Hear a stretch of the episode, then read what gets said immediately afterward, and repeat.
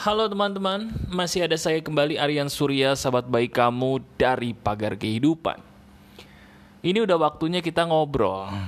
Tapi izinkan kali ini saya memulai sebuah podcast yang sudah saya rencanakan. Benar, sepertinya udah waktunya deh saya itu memberikan sebuah petuah spiritual. Saya memang bukan ustadz, saya memang bukan kiai, saya juga bukan pemuka agama, tapi anggap aja saya seperti seorang sahabat baik kamu atau saudara bahkan ya yang diberikan izin sama Tuhan yang Maha Esa untuk memberikan sebuah petuah yang seizinnya insya Allah mendekati kebenaran. Hari ini saya akan membahas sebuah hal yang paling sederhana yang ada kaitannya juga dengan Islam, tapi tenang aja, tenang aja apa pun keyakinan yang kamu peluk, coba dengerin dulu deh. Karena percaya sama saya, keyakinan apa pun yang kamu peluk, kalau diri kamu mendengarkan ajaran Islam yang sesungguhnya, pasti kurang lebih sama dan kamu setuju. Oke, jadi dengerin dulu aja, ambil hal-hal penting dari apa yang ingin saya jelaskan. Oke ya, mantap nih. Ada sebuah pertanyaan gini, Mas, saya tuh sebenarnya bingung Kenapa bingung? Tuhan itu maunya apa sih mas? Loh kok bisa nanya gitu? Saya ngeliat mas, maaf ya, kenapa orang-orang yang katanya beragama atau deket sama Tuhannya, tapi kok perilakunya kok ya maaf banget nih mas, kayak iblis. Gemar banget gitu menciptakan kericuhan lah, kerusuhan lah, atau mungkin yang paling sering kita dengar, mereka gemar banget membuat orang lain itu sakit hati. Apa pun agamanya. Jadi saya jadi males mas. Saya males jadi orang beragama. Saya males jadi orang yang deket sama Tuhan. Karena saya nggak mau jadi orang tuh yang membeda-bedakan manusia lain hanya karena masalah agama atau karena masalah perbedaan keyakinan. Itu gimana mas? Perlu nggak sih mas kita itu beragama atau mungkin pertanyaan yang paling pentingnya, Tuhan itu seperti apa dan bagaimana? Oke, saya akan menjawab dengan sederhana, to the point, gak banyak basa-basi.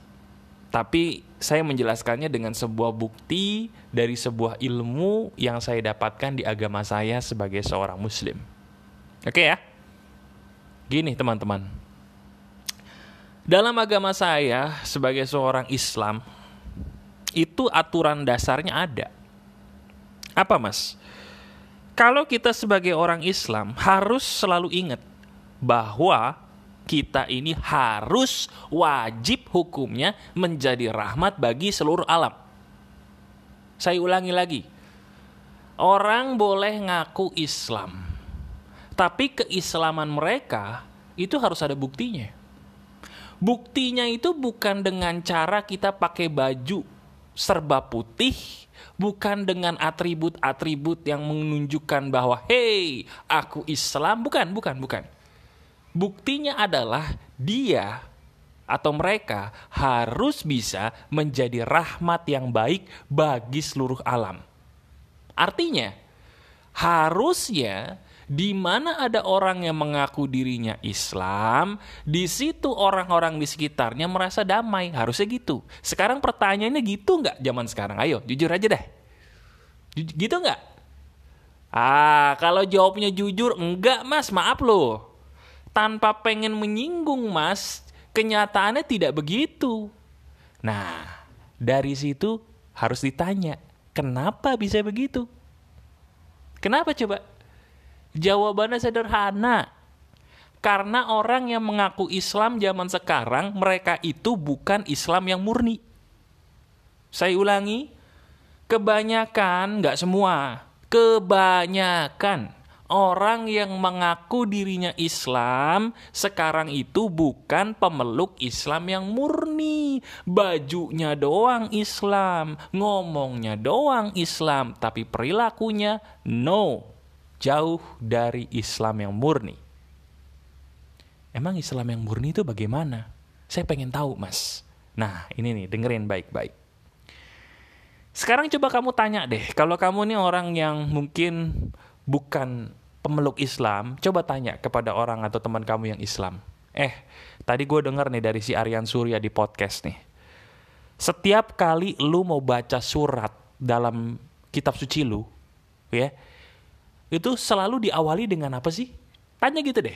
Setiap kali kita sebagai orang Islam, kalau mau baca surah apa pun, ayat apa pun dalam kitab suci kita Quran, harus diawali dengan apa? Coba jawab. Dengan apa? Betul, mengucap bismillah. Hirrohman nirohim. Sekarang saya mau tanya. Saya mau tanya sama kamu terutama yang Islam nih. Kamu tahu nggak artinya apa? Bismillahirrohmanirrohim. Apa artinya? Coba jawab. Apa artinya? Dengan menyebut nama Tuhan yang maha pengasih, lagi maha penyayang, mas. Itu artinya? Salah. Loh iya, mas. Itu artinya coba baca Quran terjemahan bener loh. Bismillahirrohmanirrohim itu artinya dengan menyebut Allah Tuhan yang maha pengasih lagi maha penyayang. Betul mas, baca deh coba. Salah. Loh kok salah mas? Iya itu salah. Saya tanya sekali lagi, apa arti dari Bismillahirrohmanirrohim ini penting nih. Saya tanya apa?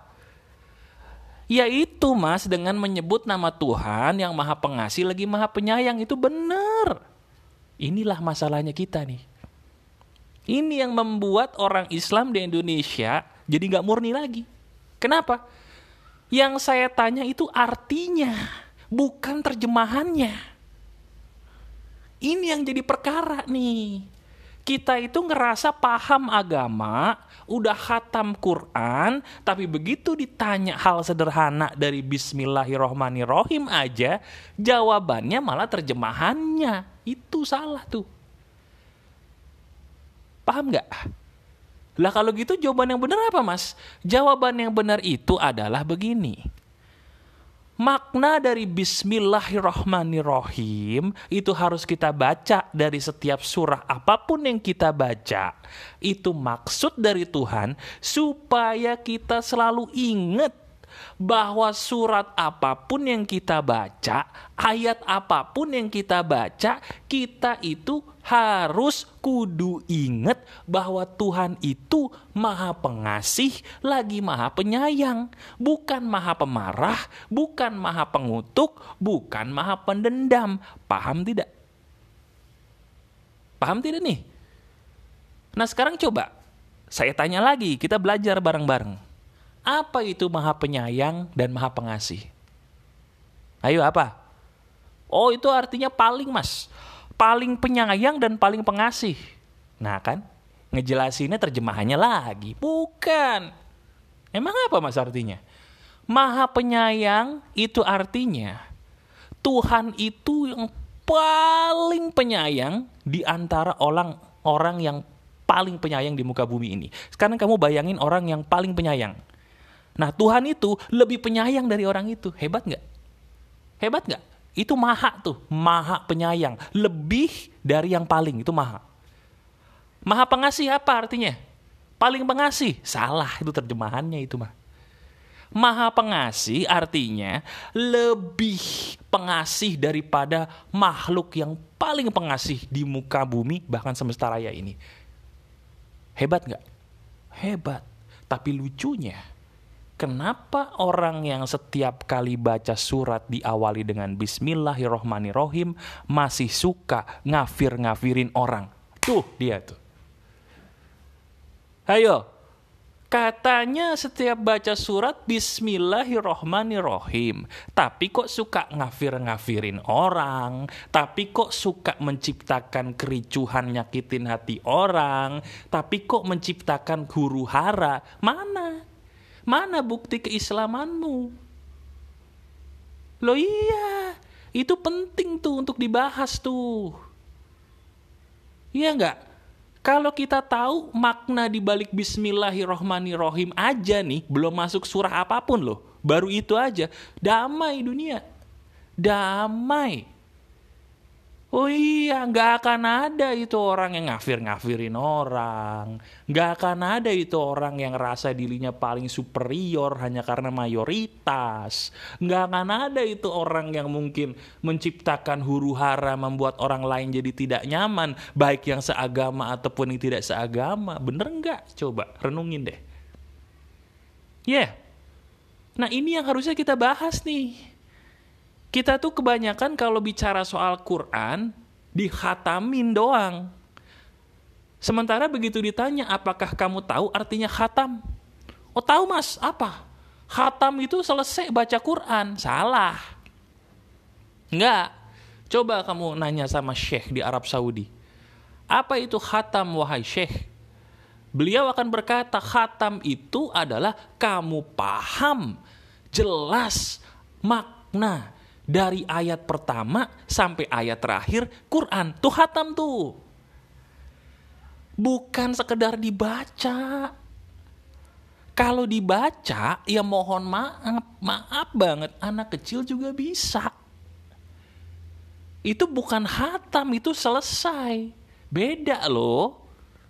Hatam itu bukan selesai baca Quran Hatam itu paham makna dari ayat yang pertama sampai ayat terakhir dari Quran yang kita baca tuh hatam. Kalau udah paham maknanya, artinya dia dalam kehidupan sehari-hari udah melakukan tuh. Sekarang kita baru belajar Bismillahirrohmanirrohim aja, udah segini nih ilmu yang kita dapat, udah paham betul kayaknya. Oh iya ya mas, hebat juga ya mas ya baru Bismillahirrohmanirrohim aja udah damai nih satu dunia. Itu baru Bismillah. Kebayang nggak sampai katam tuh? Nggak akan ada itu. Yang namanya huru hara pakai Islam tuh nggak ada. Nggak akan ada. Dari ujung dunia sampai ujung dunia lagi damai semua. Kalau pemeluk Islam betul-betul khatam Quran. Pertanyaannya, coba kita tanya diri kita sendiri.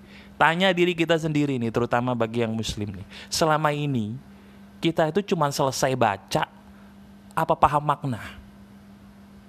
Kalau kita jujur, kita cuma selesai, tapi nggak tahu maknanya apa. Betul apa tidak?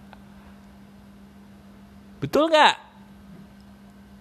Nah, dari sini akhirnya kita bisa mengambil sebuah kesimpulan Tuhan itu maha pengasih lagi maha penyayang mas. Kalau begitu, apa pun perilaku atau perbuatan yang tidak ada dasar kasih dan sayang itu adalah perbuatan yang bukan diridui Tuhan. Betul nggak mas? Betul kah? Sekali. Betul seribu persen. Jadi kalau ada orang membuat sebuah huru hara, kericuhan, pertikaian, menyakiti orang dengan perkataannya atau perbuatannya katakan lu bukan orang Islam titik walaupun jubah lu Islam. Bener. Karena agama Islam tidak pernah mengajarkan begitu. Tidak pernah. Saya belajar dari guru saya ini. Ya.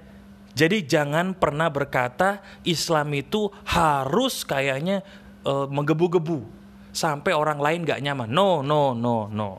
Belajar lagi. Belajar lagi. Belajar agama lagi.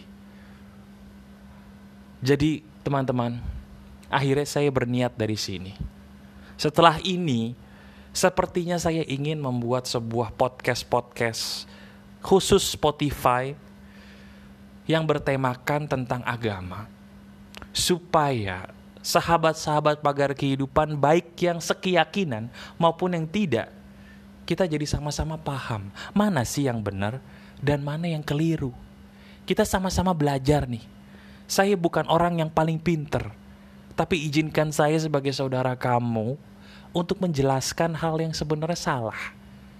Saya ingin meluruskan suatu hal yang sebenarnya nggak begitu loh.